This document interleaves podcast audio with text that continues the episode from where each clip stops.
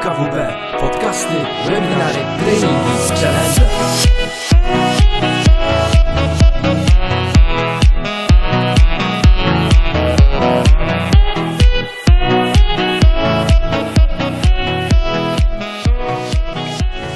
Witam serdecznie. Dziś porozmawiamy o zarządzaniu sobą w czasie u Olimpijki. Naszym dzisiejszym gościem jest Patrycja Wyciszkiewicz-Zawadzka. Między innymi Olimpijka z Londynu 2012, Rio de Janeiro 2016, wicemistrzyni świata z Doha 2019, mistrzyni Europy z Berlina 2018.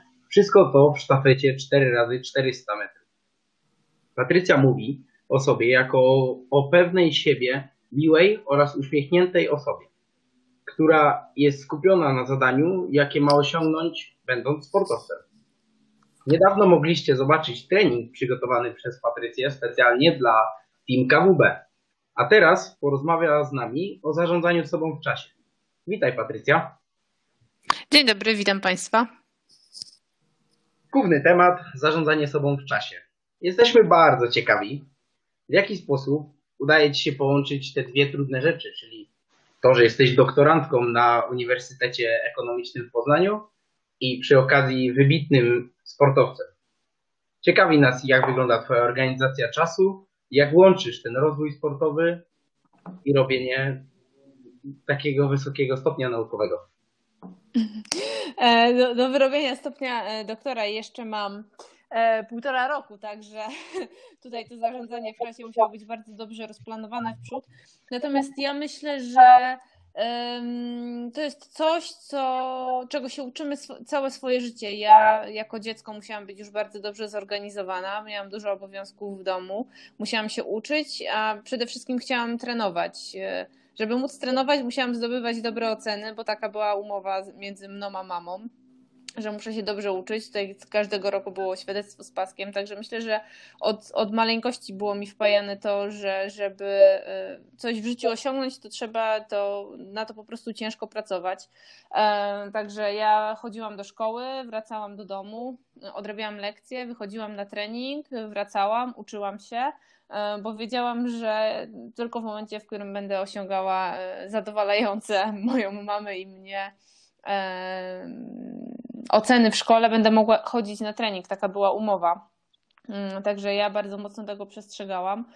E, co więcej, już później w szkole średniej, w szkole licealnej spotkałam się, zresztą nie tylko w szkole licealnej, ale, ale i wcześniej, z takim przeświadczeniem, które gdzieś tam bardzo mocno pokutowało jeszcze w naszym społeczeństwie, że jeżeli jest się sportowcem, e, to raczej nie jest się osobą, która w świecie naukowym potrafi coś e, osiągnąć. Było takie przekonanie, że jeżeli do niczego się nie nadajesz, to zostań sportowcem. Natomiast tak nie jest i ja też miałam jakiś taki, taki plan i cel, żeby to zmienić. Na szczęście to się zmienia i teraz wszyscy już wiedzą, że E, większość osób, które sport uprawiają, to nie są tak zwane chłopki roztropki, tylko osoby, które też mają jakąś wiedzę i, e, i inne umiejętności niż tylko, nie wiem, bieganie, rzucanie, boksowanie, kopanie piłki. To są też osoby inteligentne. E, w świecie biznesowym istnieje takie powiedzenie, że nie ma pracownika nader zawodnika, czyli jeżeli ktoś zatrudnia osobę, która wcześniej była zawodnikiem e, i miała czynny udział ze sportem i, i trenowała, to wie, że taka osoba powinna być przede wszystkim dobrze zorganizowana, zdyscyplinowana, odpowiedzialna no i bądź co bądź, jeżeli taki, taka osoba, sportowiec trafi na, na szefa, którego będzie darzyło respektem, to na pewno będzie e, wykonywał jego polecenia w 100%, bo, bo to jest jakby coś, co się przenosi z tej relacji trener-zawodnik. Także myślę, że, e, że, że jakby cała, cały ten mój wywód brnie do tego, że od małego musimy się uczyć jakby tej samodyscypliny e, i jeżeli chcemy czegoś osiągnąć, to, to tak naprawdę tylko nasza ciężka praca, to na wyrzeczeń, zaparcia, hartu ducha e, i wiara w to, że nam się uda. No, to jest bardzo, bardzo ciekawe i życie sportowca naprawdę wymaga tego, żeby się zorganizować. Sam wiem, wyjeżdżało się na pierwsze zgrupowania kadry narodowej, to co zazwyczaj się nie zdarza, to trzeba czasem przepakować się w jeden dzień z jednego wyjazdu dwutygodniowego na kolejny i naprawdę to nie jest łatwe dla nastolatka, który, który chciałby troszeczkę e, korzystać z życia, a jednak ten sport e, wymaga bardzo dużej dyscypliny. E, to, to jest prawda. Ja jak przyszłam do szkoły sportowej, do szkoły i trenowałam dalej w klubie sportowym w Olimpii Poznań. Przyszłam do szkoły w Poznaniu, mieszkałam w internacie. Mm, przyszłam z moją przyjaciółką i jeszcze z trzema innymi osobami, które, które też ze mną szkołę zaczynały na różnych profilach, co prawda, ale gdzieś tam wszyscy razem potem na treningach e, byliśmy, pochodziliśmy z jednej miejscowości, więc taki team spirit mieliśmy. E, no, nasi rodzice na pewno się bali tego, że przyjedziemy z mniejszej miejscowości do dużego miasta, mając 17 lat, 16, 17 lat się ma, jak się zaczyna szkołę średnią e, i gdzieś tam e, może nie tyle, że wpadniemy w złe towarzystwo, ale jakby to zachuśniemy się tym dużym miastem i tym, co, co jakby możliwościami na spędzanie wolnego czasu, które tutaj są. Natomiast ja twierdzę, że sport w takim e, wieku nastoletnim jest bardzo dobrym rozwiązaniem, bo po prostu człowiek musi się uczyć i nie ma, nie ma czasu na głupie pomysły, bo, bo trzeba, ten, trzeba chodzić na treningi, trzeba być wypoczętym i jeżeli jesteśmy sfokusowani na, na sporcie i na tym, że chcemy coś osiągnąć, mm, no to po prostu musimy dać z siebie 110% na treningu, tak? I, I, nie ma czasu, żeby e, po prostu myśleć o tym, żeby wyjść gdzieś do kogoś e, z kimś na coś i, i, po prostu inaczej spędzić czas wolny niż na regeneracji. A czy przez te lata zdyscyplinowania przy sporcie, organizowania się w tym czasie e, i dodatkowo zawsze wspomniałaś, że, że ta nauka była na, też priorytetowa. E, czy znalazłaś sobie jakieś systemy, które pomagają Ci się zorganizować? Używasz jakichś planerów, kalendarzy, jakieś aplikacje? E, coś takiego?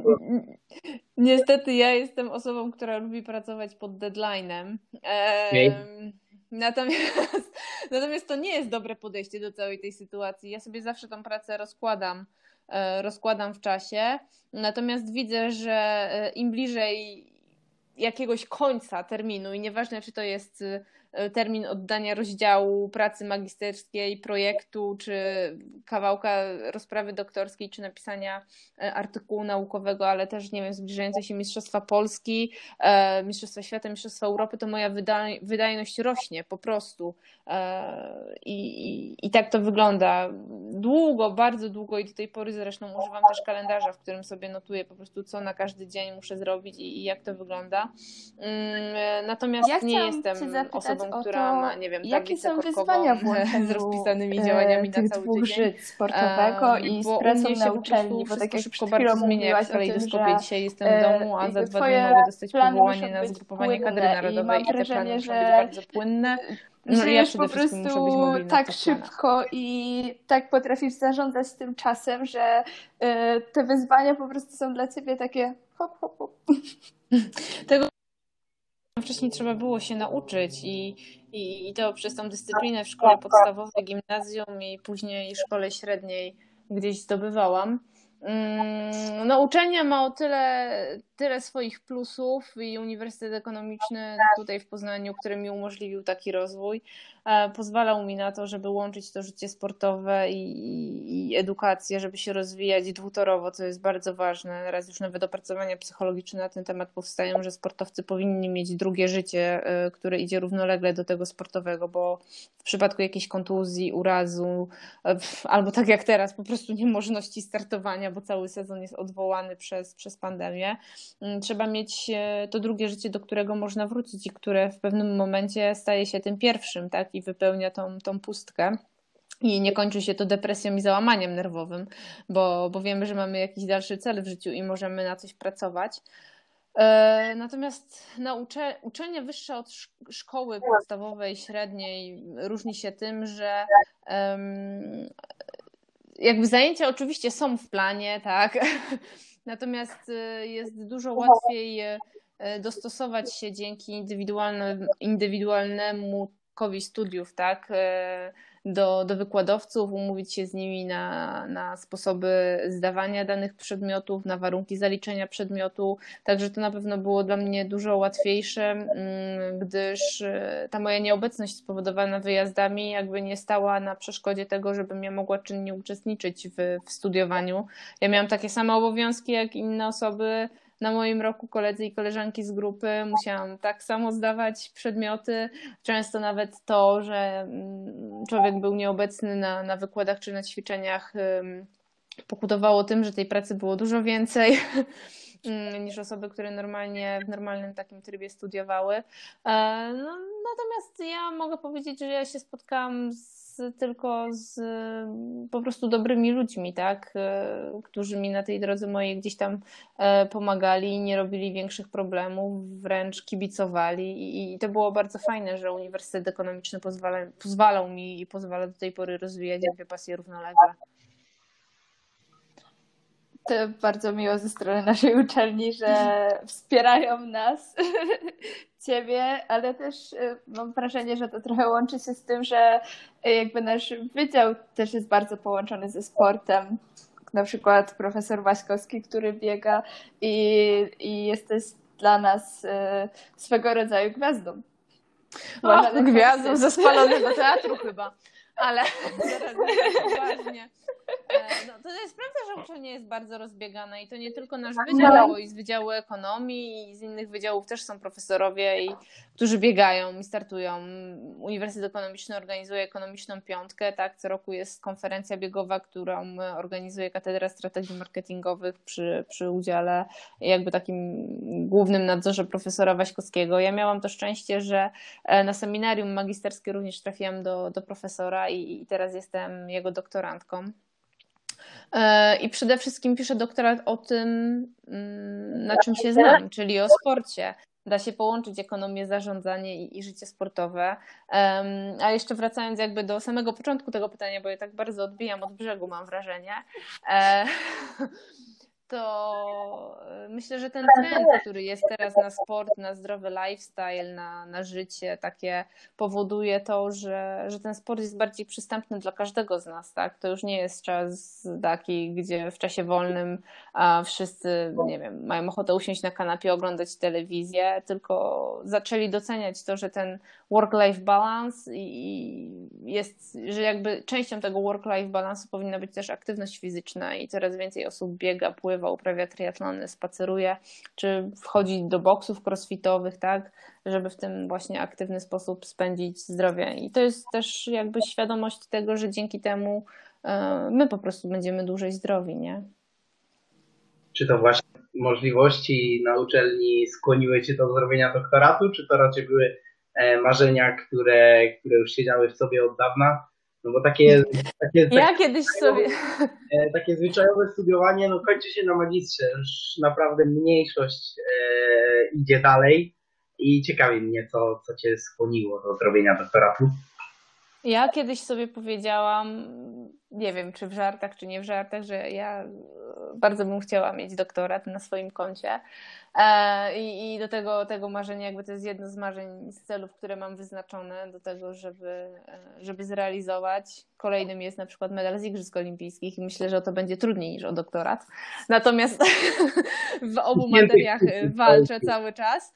Mm, e, natomiast ja stanęłam przed wyborem po obronieniu pracy magisterskiej, czy zapisać się na kolejne studia magisterskie i mieć kolejne, jakby kolejne dwa lata móc studiować i, i mieć to drugie życie, czy, czy po prostu pójść krok dalej i, i zacząć studia doktoranckie. Tak jak już mówiłam, trafiłam fajnie bo pod skrzydła profesora Waśkowskiego, który jakby, tę, mm, jakby te zainteresowania naukowe podziela I, I po prostu gdzieś tam te tematy się wspólnie zbiegły. On też jakby wyraził chęć e, przyjęcia mnie mm, pod swoje skrzydła i rozpoczęcia współpracy.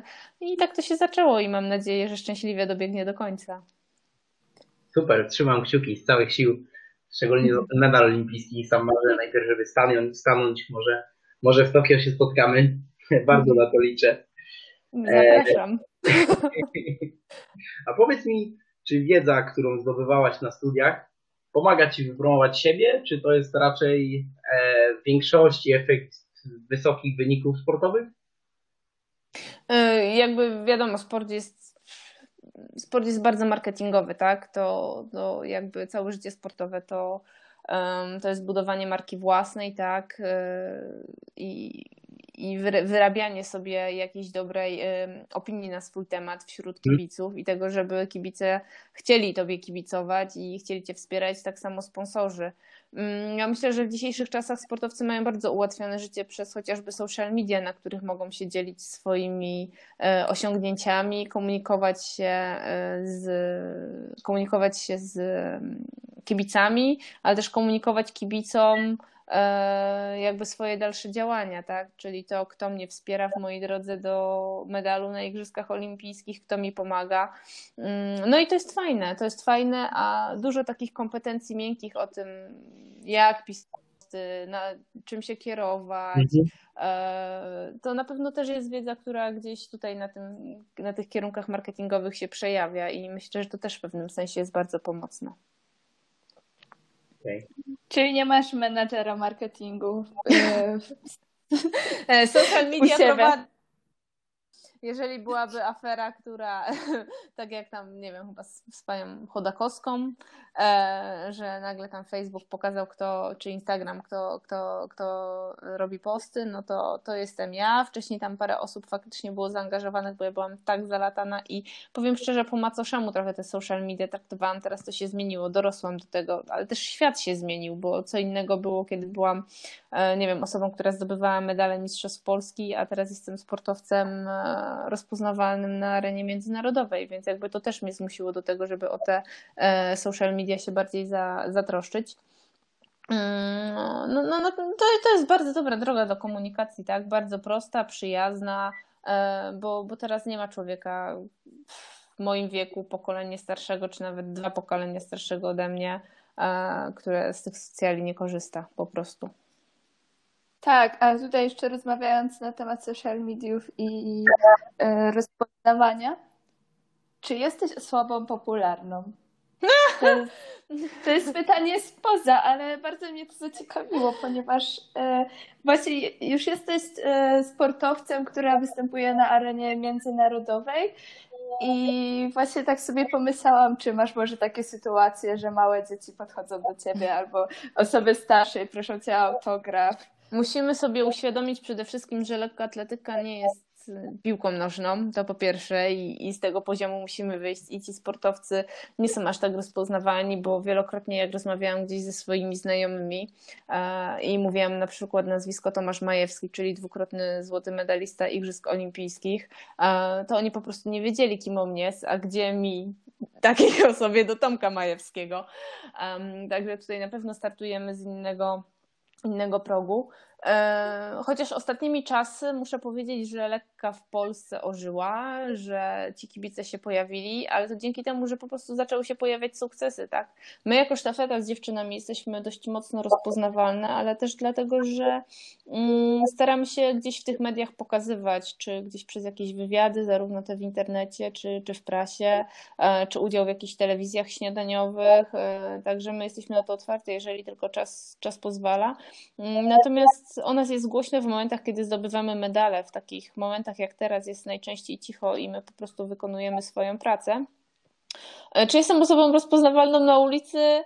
Powiem Wam, że e, kilka razy, ale dosłownie kilka razy mi się zdarzyło, żeby ktoś na ulicy podszedł i, i, i się zapytał, czy ja to ja.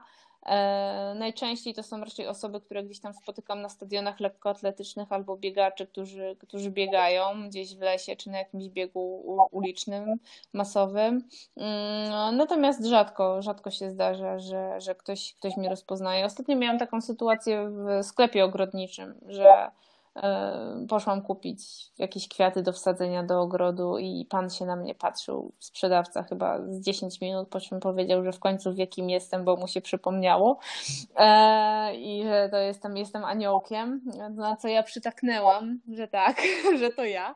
E, natomiast takich sytuacji jest bardzo mało. Ja nie jestem Robertem Lewandowskim, że ze swojego domu muszę wychodzić z piwnicą czy garażem, także nie mam tego problemu. Czyli wiemy już, że nie musisz wychodzić garażem z domu, że lekkoatletyka rozwija się w Polsce, jej forma jest coraz lepsza.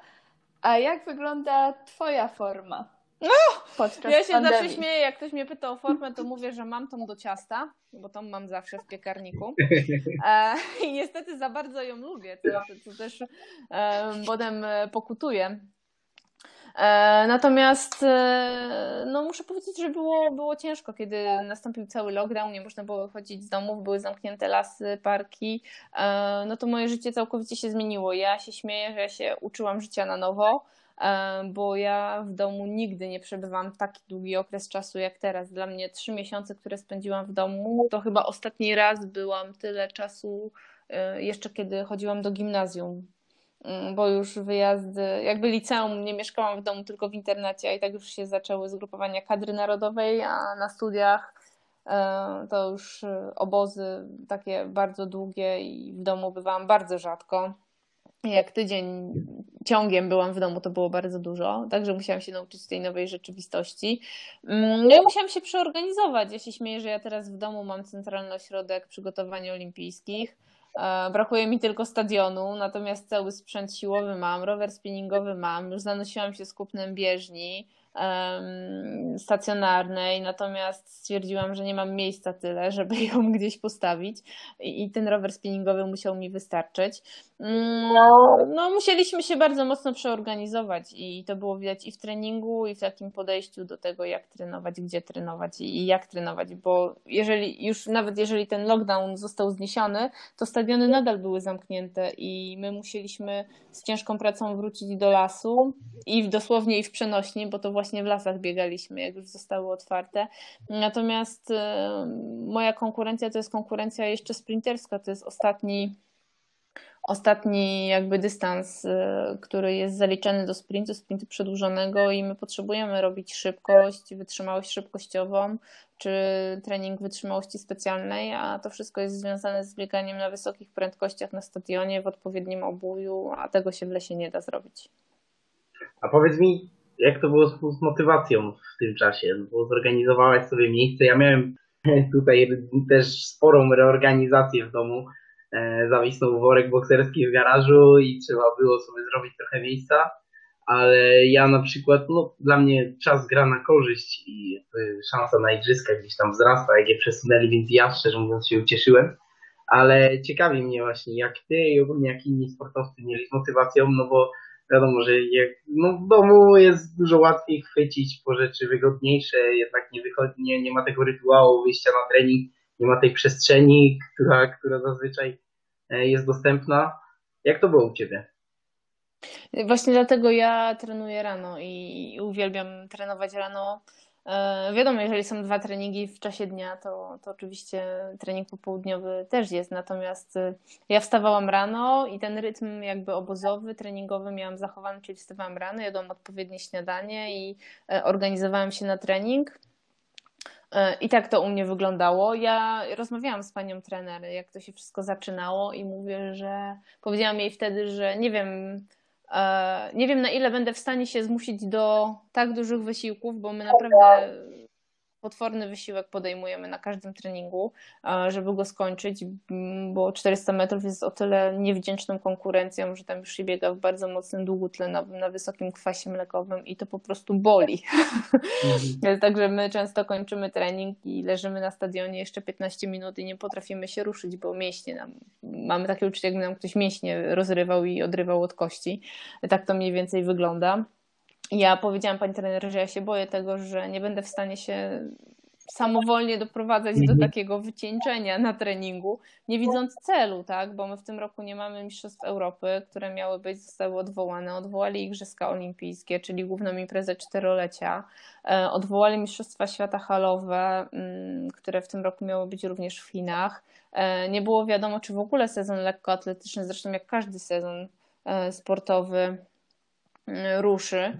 E, także, także to była moja jedyna obawa z tym wszystkim, czy ja będę w stanie się właśnie do tych treningów motywować. Natomiast naprawdę przychodziło mi to łatwo. Ja się cieszyłam, że mogę wychodzić na trening, doceniałam tego.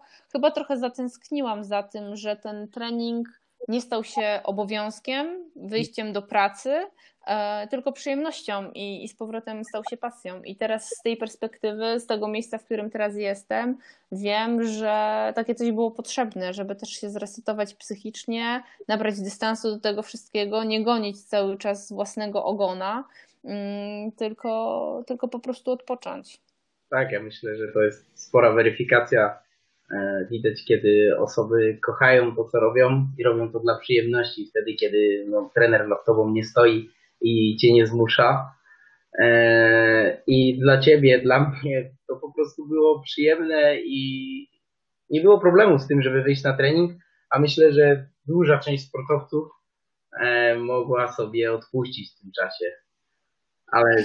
No ten rok na pewno bardzo mocno zweryfikuje, kto jaki miał charakter i kto na ile potrafił się sam ze sobą zmobilizować i podjąć ten trud wysiłku. Ja myślę, że już na tym poziomie sportowym, takim zawodowym, to, to każdy jest świadomy tego, że nieprzepracowany sezon, czy nawet część sezonu potem bardzo mocno się odbije czkawką w przyszłym roku, bo jeżeli igrzyska mamy w przyszłym roku, to my w tym roku również musimy z wysokiego poziomu sportowego e, startować w kolejny okres przygotowawczy, bo tak, taki rok przerwy, pusty rok będzie trudny, będzie bardzo trudny. Mm, no i też pokaże kunszt trenerów, kto się na tym lepiej zna i, i kto ma większą wiedzę, doświadczenie i potrafi mimo problemów i przeszkód przygotować zawodnika bardzo dobrze do startu.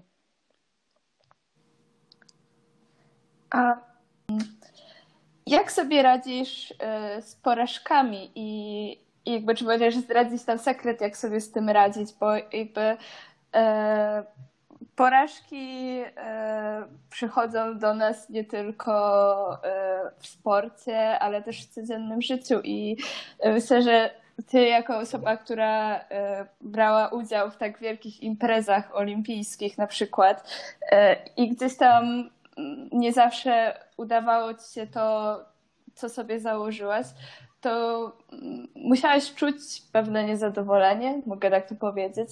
E, więc czy możesz nam zdradzić to, jak sobie z tym poradzić? Pytanie, co jest definicją porażki, bo ja tego miejsca, w którym teraz jestem, e, nie powiedziałabym, że w jakimś momencie swojej kariery sportowej zaliczyłam porażkę. Na pewno dostałam bardzo dużo lekcji E, pokory i, i bardziej tak bym to pod takim kątem to rozpatrywała. No nie wiem, porażka to jest takie duże słowo dla mnie, bo, bo nie wiem, porażką może być przypalony obiad dla jednego, a dla drugiego po prostu stracenie całego majątku. E, natomiast ja bym to rozpatrywała bardziej pod kątem lekcji i ja tych lekcji dostałam naprawdę dużo, bo zaczynając od kontuzji, ja niestety co roku e, borykałam się z jakimś urazem i to nie były drobne przeciążenia, bo to się zdarza każdemu sportowcowi i to jest normalne, bo w pewnym momencie organizm mówi dość. Ja się zmierzyłam z kontuzjami, których leczenie zajmowało mi co najmniej 2-3 miesiące, także to był czas wyjęty z życia. Mm, ja na przykład miałam pękniętą kość piszczelową, dwukrotnie naderwane ścięgno Achillesa, e, dwukrotnie zapalone rozścięgno podeszwowe. E, także na, naprawdę, naprawdę tego było sporo. A jeżeli już fizycznie byłam zdrowa, w takim sensie, że aparat ruchu był ok, to zawsze gdzieś jakiś problem nie wiem, z zapaleniem płuc przychodził, z anemią i innymi takimi e, sytuacjami. Także ja na pewno dostałam dużo takich lekcji, które paradoksalnie dużo bardziej motywowały mnie do pracy. I mimo tego wszystkiego, że już po którymś razie, e, kiedy się coś stało, nie mogłam trenować i widziałam, jak inni trenują, i gdzieś te moje marzenia powoli mi uciekają, to siadałam na kanapie i się zaczynałam bardzo mocno zastanawiać, po co mi to, czy, czy ja kolejny raz będę w stanie się podnieść i wstać i, i zawalczyć o jakiś, jakiś swój sukces.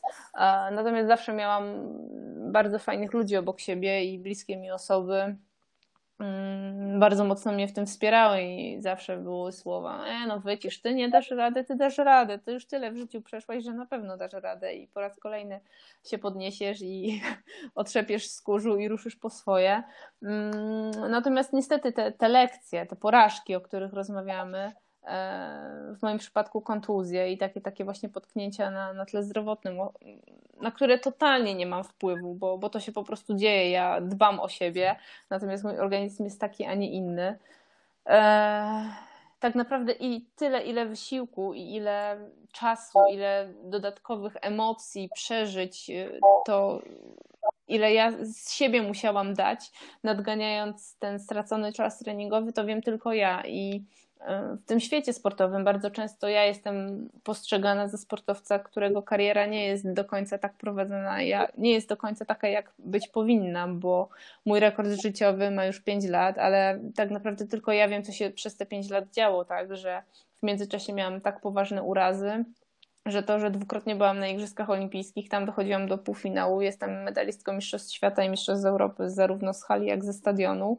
E, mimo jakichś tam braków takich spektakularnych wyników indywidualnych, bo po medalach Mistrzostw Europy juniorów złotych i medalu Mistrzostw Europy młodzieżowych e, w biegach indywidualnych gdzieś tam ta moja kariera indywidualna zestopowała. Natomiast jestem zawsze w topie polskich 400 metrówek. E, I myślę, że, że to, o czym właśnie mówimy, o tych porażkach, to, to bardziej rozpatrujmy to pod kątem pokory i tego, co my dobrego możemy z tego wyciągnąć i na ile to, że się potkniemy, czy dostaniemy jakąś lekcję od życia, pozwoli nam na dalszy rozwój i, i, i uwierzenie w siebie i znalezienie takiej wewnętrznej motywacji do dalszej pracy. Myślę, że to jest bardzo cenne, co powiedziałaś, że właśnie porażki warto rozpatrywać jako lekcje. E, bo zadając to pytanie, e, jakby w ogóle nie pomyślałam o tym, że można to rozpatrzeć inaczej.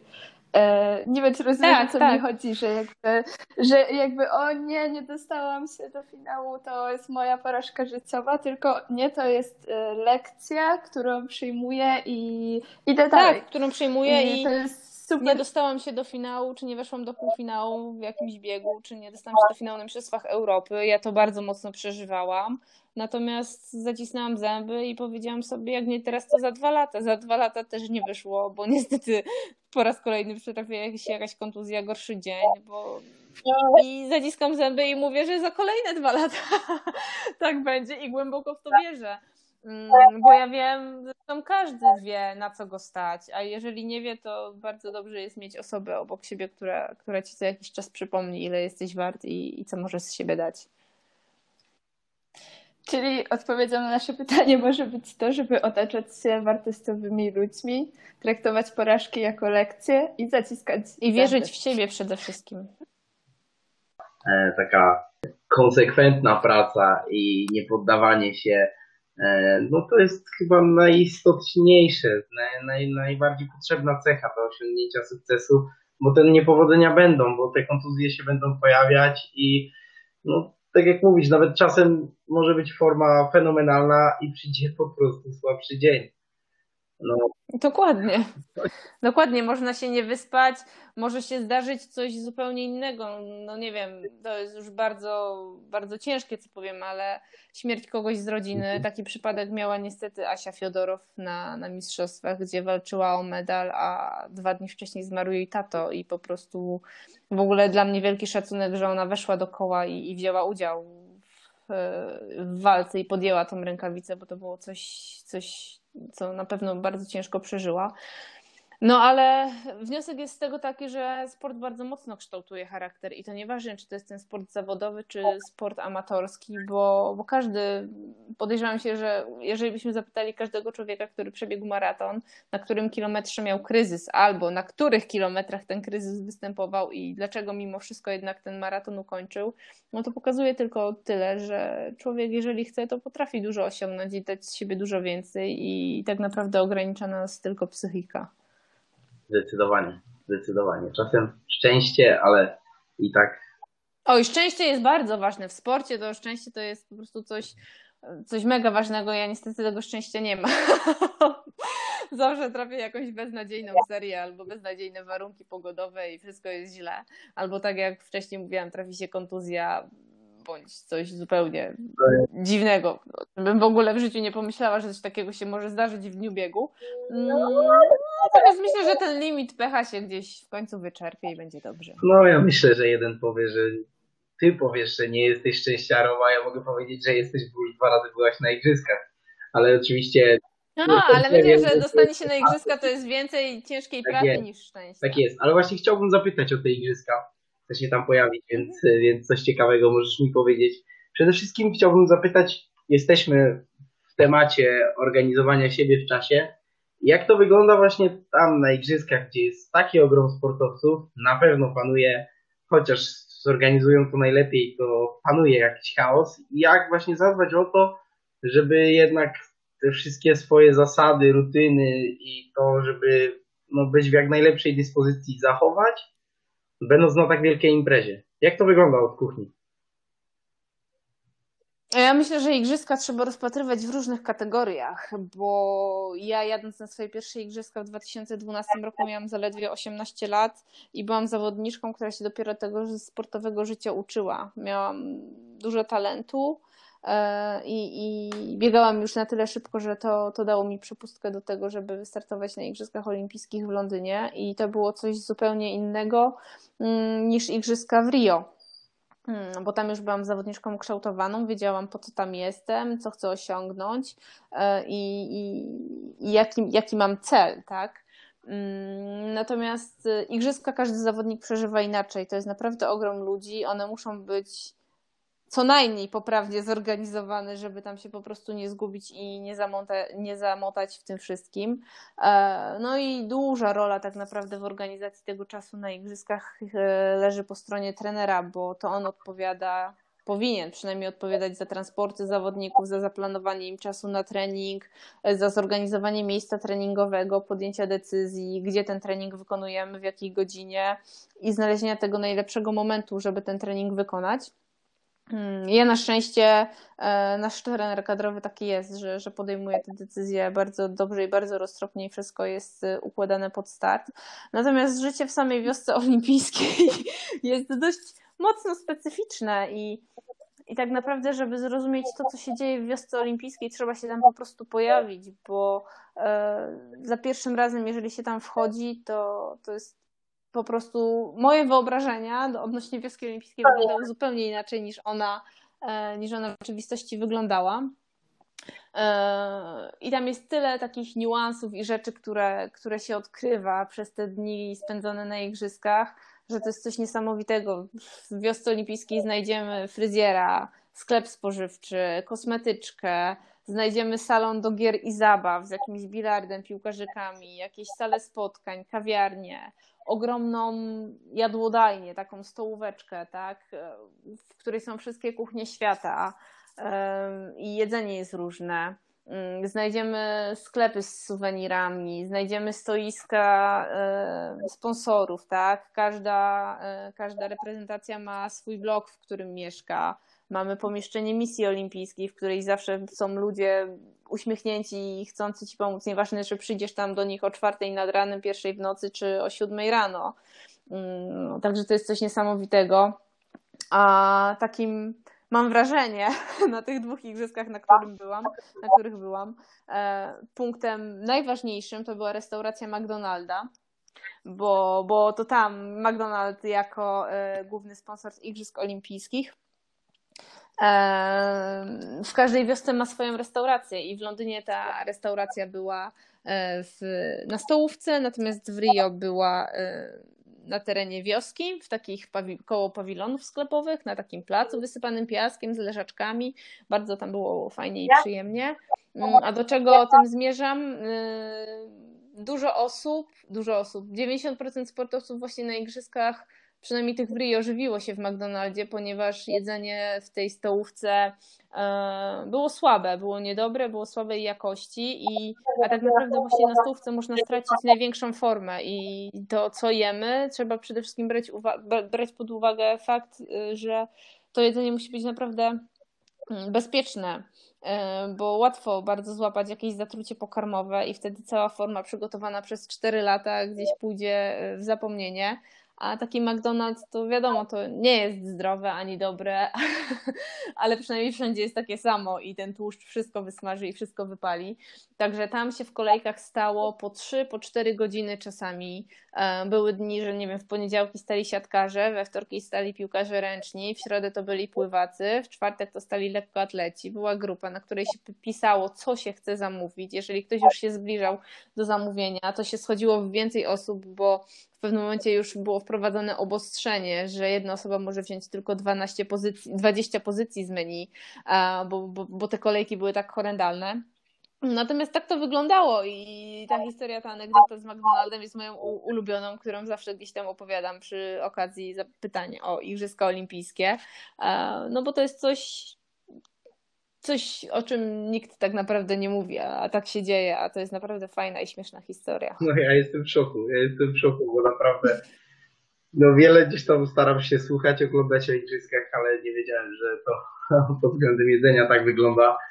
No faktycznie, no, tak jak rozmawialiśmy, możemy przygotować bardzo dobrą dyspozycję, zatrucie pokarmowe i na I dzień nie, nie jesteśmy w ogóle do życia, gdzie dopiero e, walczyć o medale igrzysk. Także no to jest Dokładnie. trudne zadanie. Także naprawdę na jedzenie trzeba bardzo mocno ważyć, ale spokojnie na igrzyskach w wiosce olimpijskich są lekarze, są dentyści, są e, no wszystkie, okuliści, jakby się miało jakikolwiek problem, to tam się na pewno znajdzie specjalista, który jest Ci w stanie pomóc, a przede wszystkim są lekarze, którzy jadą z Polskiej Misji Olimpijskiej z nami i to oni się nami przede wszystkim zajmują. Patrycja, bardzo Ci dziękujemy za tą inspirującą rozmowę. Naprawdę dużo się dowiedzieliśmy i takie anegdotki, których nie dowiemy się na pewno na ulicy. Trzymamy za Ciebie kciuki. Smaczki spod stołu. Dokładnie. Trzymamy za Ciebie kciuki na kolejnych imprezach sportowych. Trzymamy kciuki za, za to, żeby Cię omijały kontuzje. I na obronie e, pracy doktoranckiej. Wszystkiego dobrego, Patrycja. Dzięki. Bardzo dziękuję.